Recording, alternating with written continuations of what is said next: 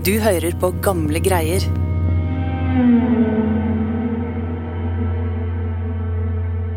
I 1590 fikk overklassekvinnen Anne Pedersdatter alvorlige anklager rettet mot seg. Mange i Bergen mente at hun sto bak merkelige og redselsfulle hendelser i byen den siste tiden. Folk mente at Anne drev med svart magi.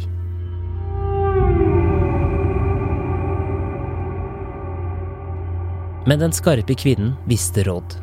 Hun hadde nemlig blitt beskyldt for det samme tidligere.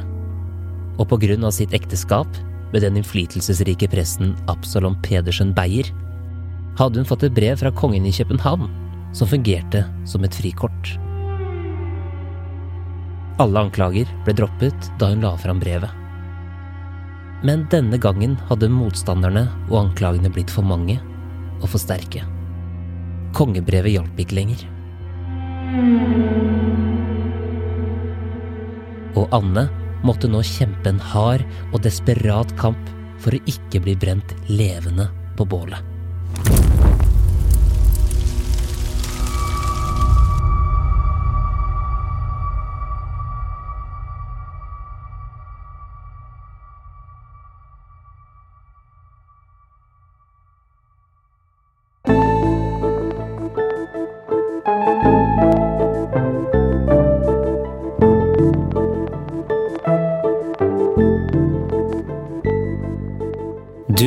Gamle greier, en historiepodkast fra Nasjonalbiblioteket. Jeg heter Lars Hamren Risberg.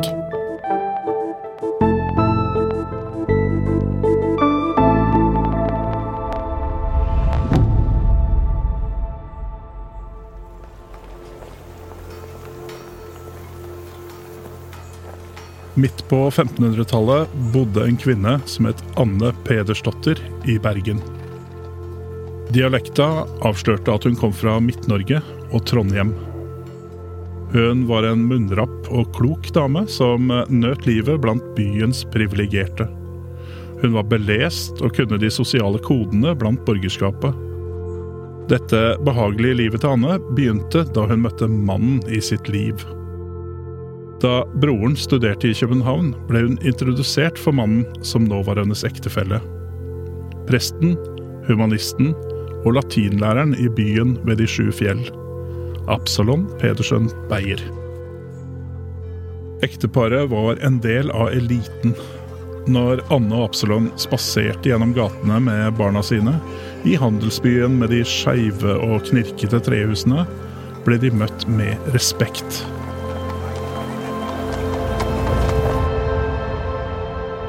Chris Nyborg, lokalhistoriker på Nasjonalbiblioteket.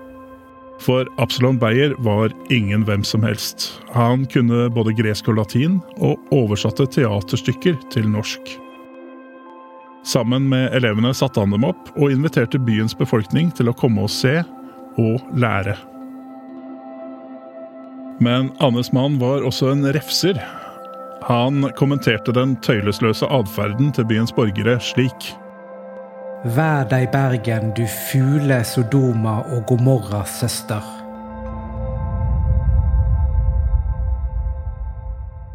I 1563 hendte det noe som skulle få idyllen til å slå sprekker for Anne Pedersdotter.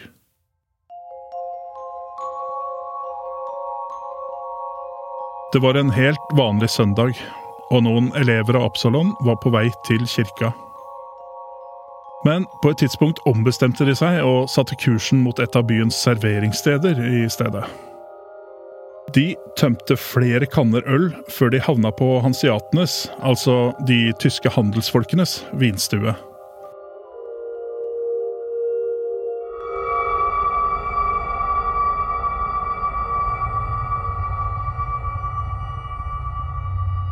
Der begynte de å krangle med andre gjester, og det endte med at en av Absalons elever drepte en tysker.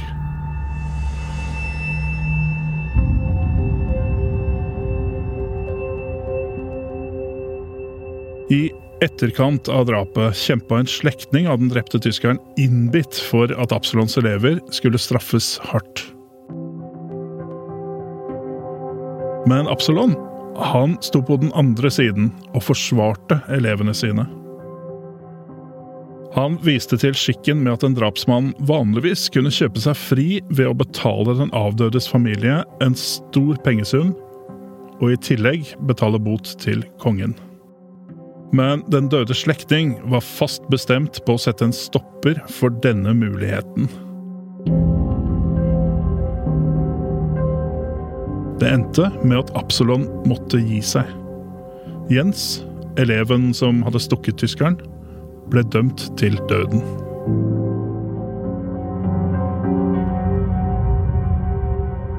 Absalon skrev i dagboka si en uke etter. Denne dag ble Jens halshugget. Det var han som stakk den garpedreng i hjel overfor vinstuen.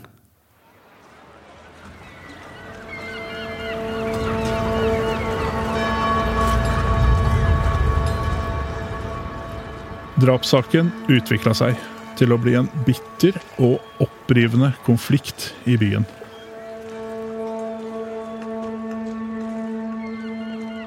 Blant de store lagrene med tørrfisk i trehusene på Bryggen ble det folkesnakk. De tyske handelsfolkene, hanseatene, beskyldte Absalon for maktmisbruk.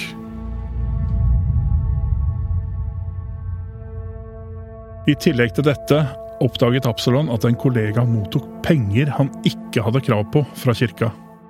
Og Absalon beskyldte ham for å ødelegge kirka.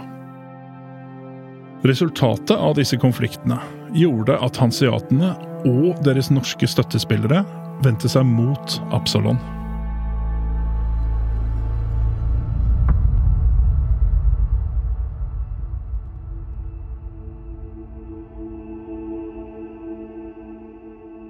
På hjemmebane opplevde Anne en tragedie. Samme år som ektemannens konflikt med hanseatene døde et av barna, Helvik, på bare fem måneder.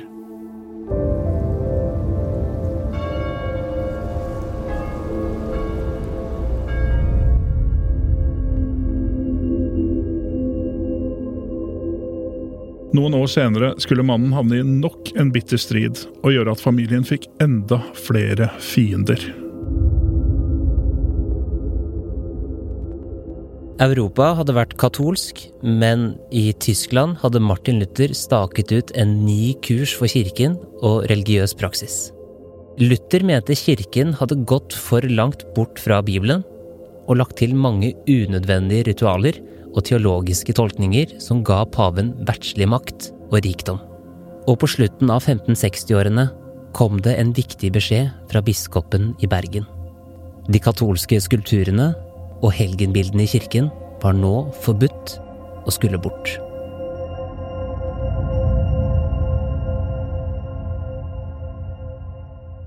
Absalon var tvilende til dette, særlig fordi det betydde at man måtte fjerne en helgenstatue som fosterfaren Geble Pedersen hadde fått laget til domkirka.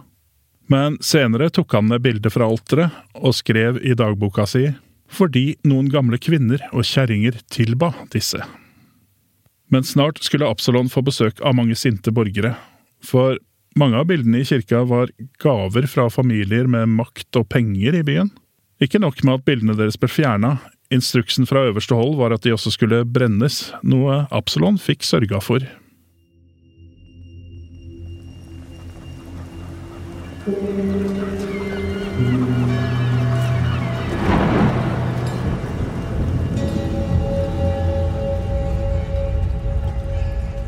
Og snart skulle Anne, som også var en frittalende kvinne, virkelig få en skygge inn i livet.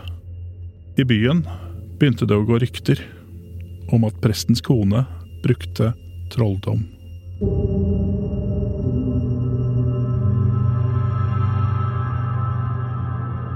At det fantes svart magi, og at mennesker drev med trolldom og var djevelens hjelpere, det var noe også myndighetene trodde på. Folk flest og de lærde i Europa og Norden var overbevist om at verdens undergang var nær.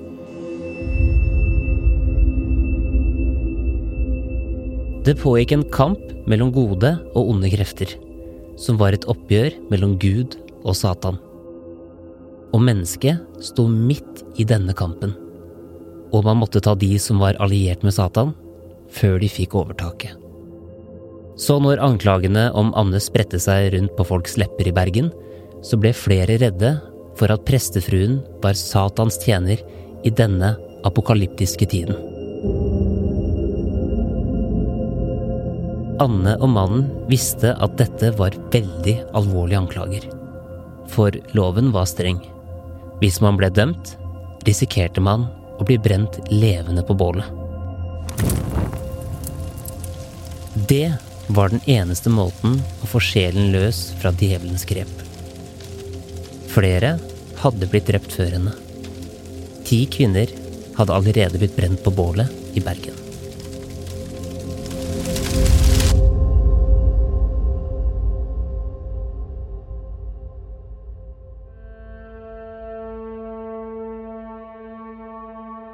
De som anklaget Anne, mente hun var i stand til å gjøre folk alvorlig syke, og til og med drepe dem. Dette kunne hun få til gjennom å ta på folk, puste på dem eller si visse ord. En eh, nabo av Anne mente han selv hadde opplevd dette på kroppen. En dag han hadde gått forbi huset hennes, hadde hun stått i døren og banna og spytta. Og noen dager senere ble han alvorlig syk. Mange mente dette ikke var tilfeldig.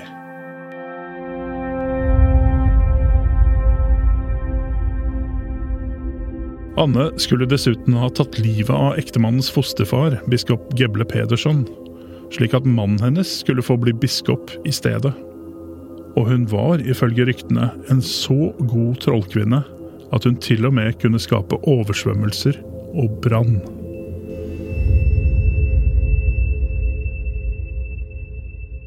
Og Anne, hun ble konfrontert med disse beskyldningene. Ja, men hun nekta. Og de som sto på Annes side, mente hun uskyldig var dratt inn i mannens maktkamp. Flere støtta henne i dette, men til ingen nytte. Hun skulle stilles for retten. Absalon så ingen annen mulighet enn å be kongen i København om hjelp til å redde sin hustru fra flammene. Og ikke lenge etter dukka svaret opp.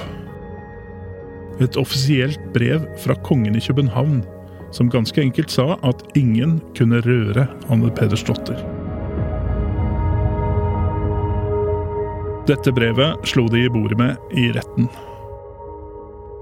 Retten tok brevet til følge, og hun berga livet og kunne fortsette å leve i frihet.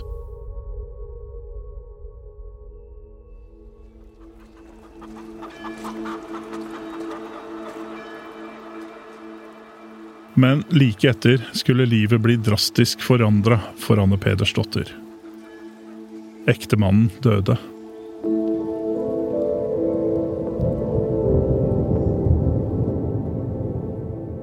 Anne, som fremdeles ble sett skjevt på, selv om hun var frifunnet, var nå alene.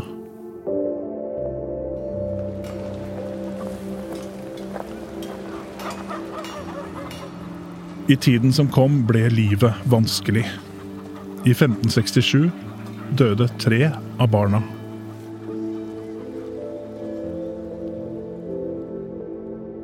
Anne var bitter for det som hadde skjedd, og var sint og hard mot folk.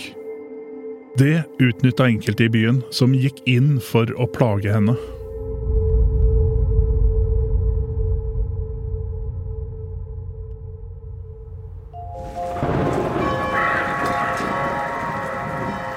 Det gikk en slags sport i å skyte kråker på Annes eiendom nær Bryggen. En dag passerte noen menn Annes hus og fikk øye på ei kråke som satt på taket hennes. De retta en pistol mot fuglen og fyrte av. Dette fikk Anne til å se rødt, og hun skjelte dem ut og ropte at noe ondt skulle skje dem.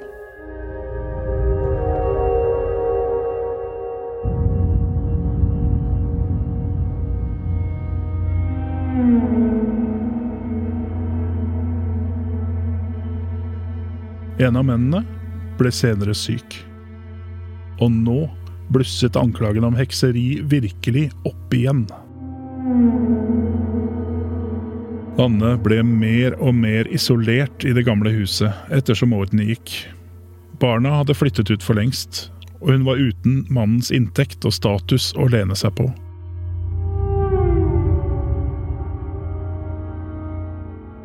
Det eneste hun hadde, var den trofaste tjenestepiken sin, Elina. Hennes støtte og medhjelper gjennom alle år.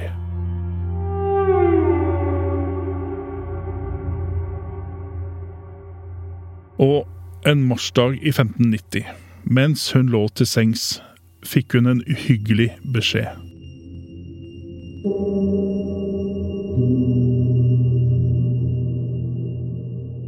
En av naboene hennes, Adrian von Buxcott, hadde vært i rådhuset og stevna henne for retten med alvorlige anklager.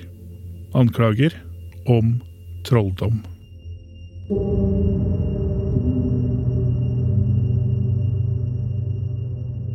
Naboen Adrian hadde fortalt til rådmannen på rådhuset at det i mange år hadde vært en familiekrangel som hadde pågått mellom hans familie og Anne Pedersdotters familie. Barna i de to familiene, en gutt som het Hans i Adrians hus, og Anna og Absalon sin datter Susanna, var blitt voksne.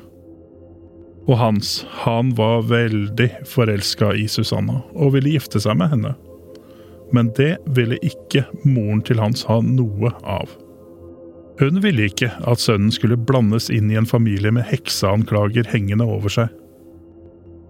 Og det var etter en slik krangel med Anne at kona hans for en tid tilbake rett og slett falt død om.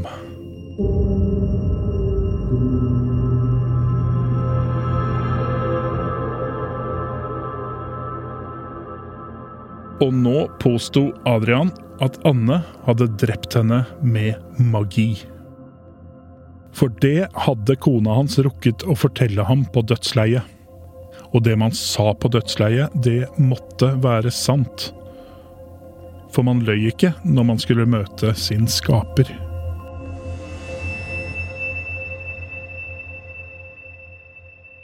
Nok en gang var hun altså anklaga for trolldom. Men hun hadde et håp om at kongebrevet skulle beskytte henne. De fant det fram, og sønnen dro til rådhuset for å vise det fram til dommerne.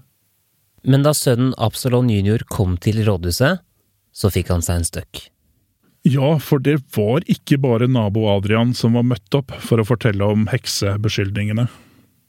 Naboen hadde kalt inn mange vitner, folk som familien hadde kjent i mange år. Og disse vitnene de hadde oppsiktsvekkende ting å fortelle om Adrians kone i tida før hun døde.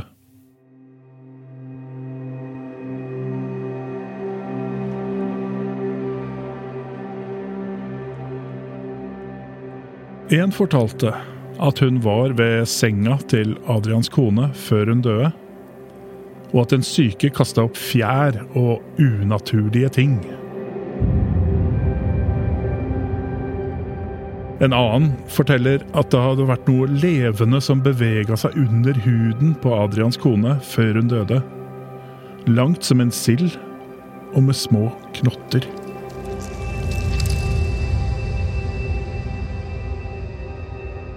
Men det var flere til stede som hadde sine opplevelser etter å ha krangla med Anne. En eh, snekker fortalte at Anne en gang bestilte en ramme til en vevstol av ham og det kunne i seg selv være et dårlig tegn. For sånn eh, vevkunst kunne lett knyttes til trollkvinner som vevde folks skjebner. Og det hadde oppstått en krangel i denne handelen mellom Anne og snekkeren. Og til grøss og gru for tilhørerne i rettssalen, så fortalte snekkeren at da Anne kom inn i butikken, så kom det en liten, svartkledd og hodeløs gutt inn sammen med henne.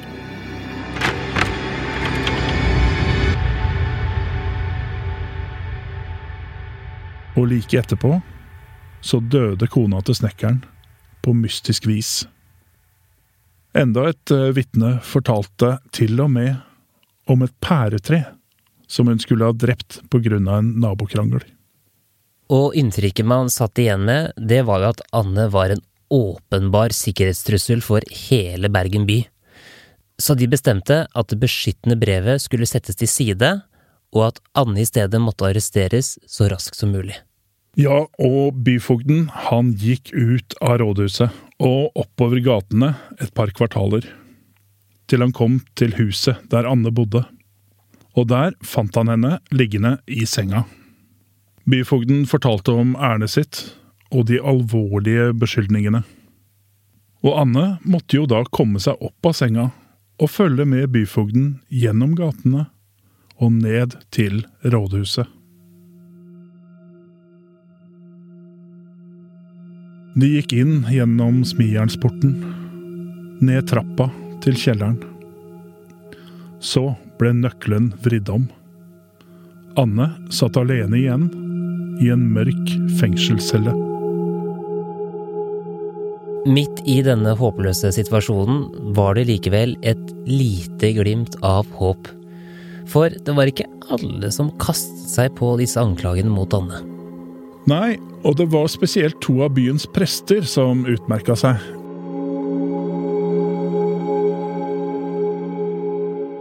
De to prestene som støtta henne, Hans Jørgensen og Jens Christensen. Dette var vanlige prester i Bergen som mente Anne rett og slett var utsatt for et justismord. Og de protesterte høylytt mot dette og gjorde det de kunne for å sette fokus på saken. Jens engasjerte seg så mye at han tok på seg rollen som Annes forsvarer.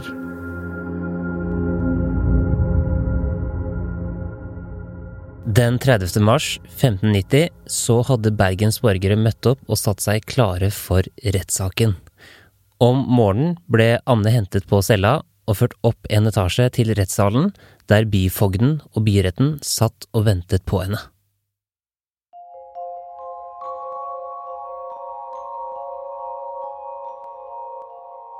Selv om Anne sin rettssak var en skikkelig rettssak, med krav til vitner og bevisførsel, så var det likevel sånn at Anne kjente store deler av de som satt i salen personlig.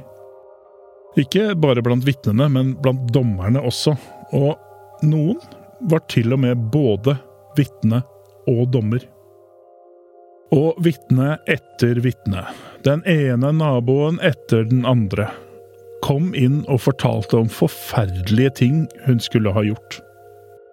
Men det var én opplevelse som nok gjorde spesielt sterkt inntrykk på henne.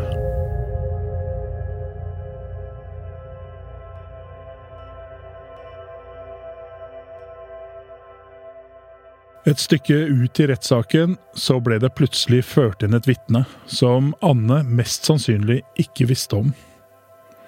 Et vitne som hun trodde var en av de få som fortsatt støttet henne nemlig Elina. Hennes egen trofaste tjenestepike gjennom 20 år.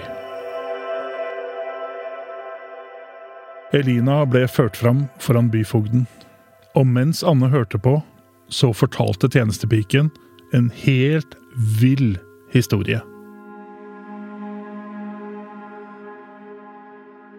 En julenatt så hadde Anne brukt Elina som hest og ridd opp på fjellet Løvstakken med henne. Der oppe var det en stor heksesamling som Anne deltok på. Og disse heksene de hadde planlagt å senke alle skip som kom inn til Bergen det året. Og dette var ikke den eneste gangen det skjedde. Det hadde skjedd to julenetter til. Den ene jula hadde heksene blitt enige om å brenne ned hele byen, og rett etter kom det et voldsomt tordenvær. Og dette satt tilhørerne og lytta forskrekka til, for de huska nemlig et voldsomt uvær en jul for ikke lenge siden. Og det hadde vært flere bybranner de siste åra.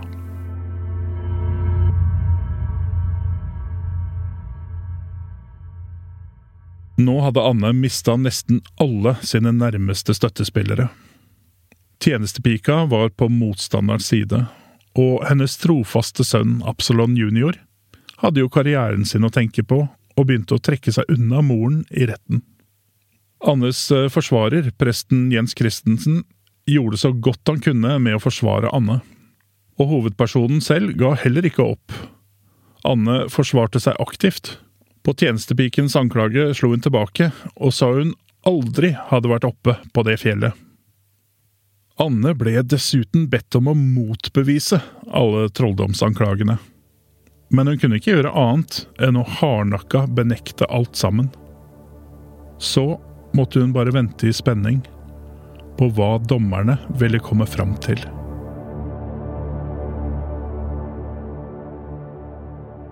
Og ikke lenge etter var dommen klar. Efter alle omstendigheter i disse sakene tyktes det oss efter den forstand som Gud har gitt oss, og efter vår egen samvittighet, at Anna Absalon er skyldig i trolldomsgjerninger. Anne Pedersdatter var skyldig i rettens øyne, og for det skulle hun brennes på bålet. Men i all fortvilelsen, sittende i den mørke fengselscella etter den knusende dommen, fikk Anne ett håp.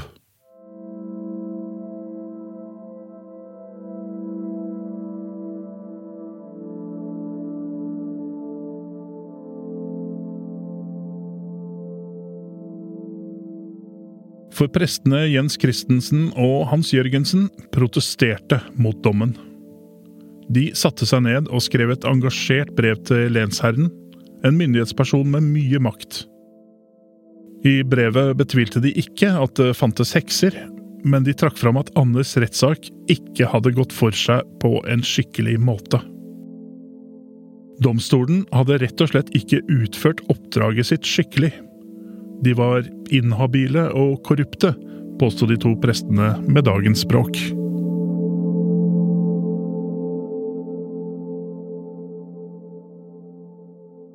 Men det hjalp ikke. Lensherren grep ikke inn.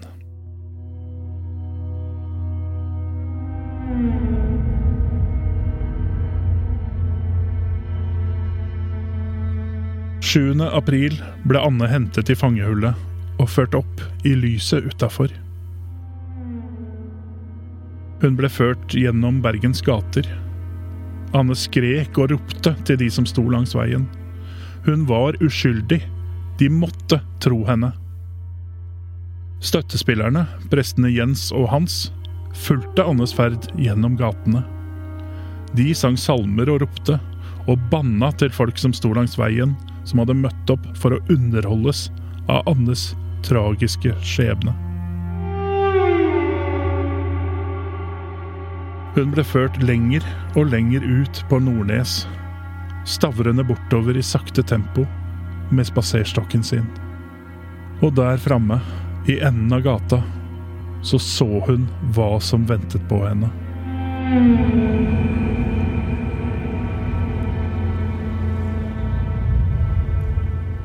Et bål hadde blitt gjort klart, et stykke opp i galgebakken. Nå var alt håp ute for Anne. Hennes protester hjalp ikke. Støttespillerne Jens og Hans fikk ikke noen til å gripe inn. Mens tilskuerne sto rundt og så på, ble Anne bundet til en stige.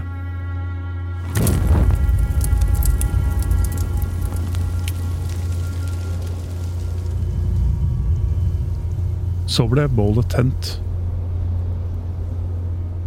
Og stigen ble skjøvet inn i ilden.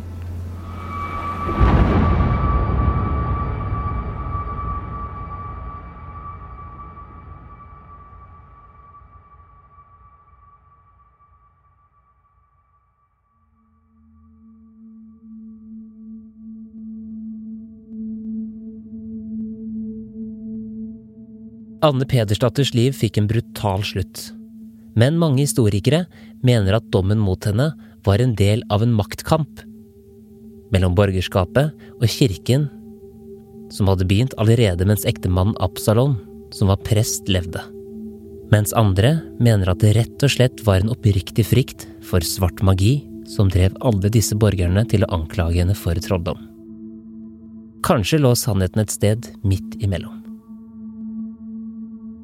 Ut fra dokumentene fra rettssaken er det i alle fall vanskelig å vite nøyaktig hva som lå bak. Tjenestepiken Eline, som vitnet mot Anne, ble ifølge papirene ikke utsatt for press eller tortur.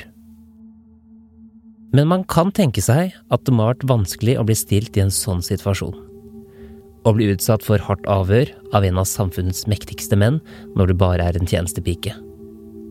Hun var kanskje redd for å bli anklaget som heks selv? Da var det muligens bedre å angi Anne enn å bli brent på bålet selv. Anne var ikke den siste som ble anklaget for å være heks. I Norge ble ca. 250 kvinner og 50 menn dømt til døden for hekseri og trolldom i løpet av 1500- og 1600-tallet. Og disse prosessene gikk da særlig utover den samiske befolkningen, og ikke minst kvinner.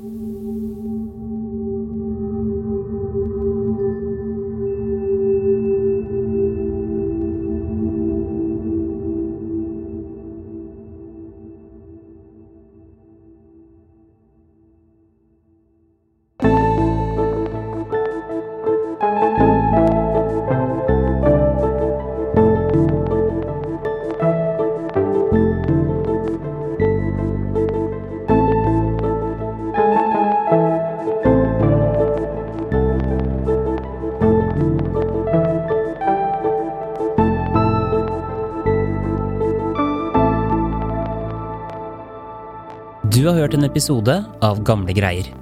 Denne episoden er laget av Live Fele Nilsen, Dang Trind, Chris Nyborg, Ragna Nordenborg og meg, Lars Hamren Risberg. Kilder til episoden var Heksen og humanisten, Anne Pedersdatter og Absalon Pedersen Beyer. En historie om magi og trolldom i Bergen på 1500-tallet. Av Nils Gilje. Absalon Pedersen Beyers dagbok. Store norske leksikons nettartikler om trolldomsprosessene og om Anne Pedersdatter av Rune Blix Hagen. Takk til Jørn Øyragen Sunde og Rune Blix Hagen for veiledning om spørsmål vi har lurt på om Bergen på denne tiden, og om Anne Pedersdatter. Musikken du har hørt i denne episoden, er fra Epidemic Sound og Therese Aune. Du finner mer av musikken til Therese på thereseaune.com, eller der du strømmer musikk til vanlig. Mitt navn er Lars Hamren Risberg. På gjenhør.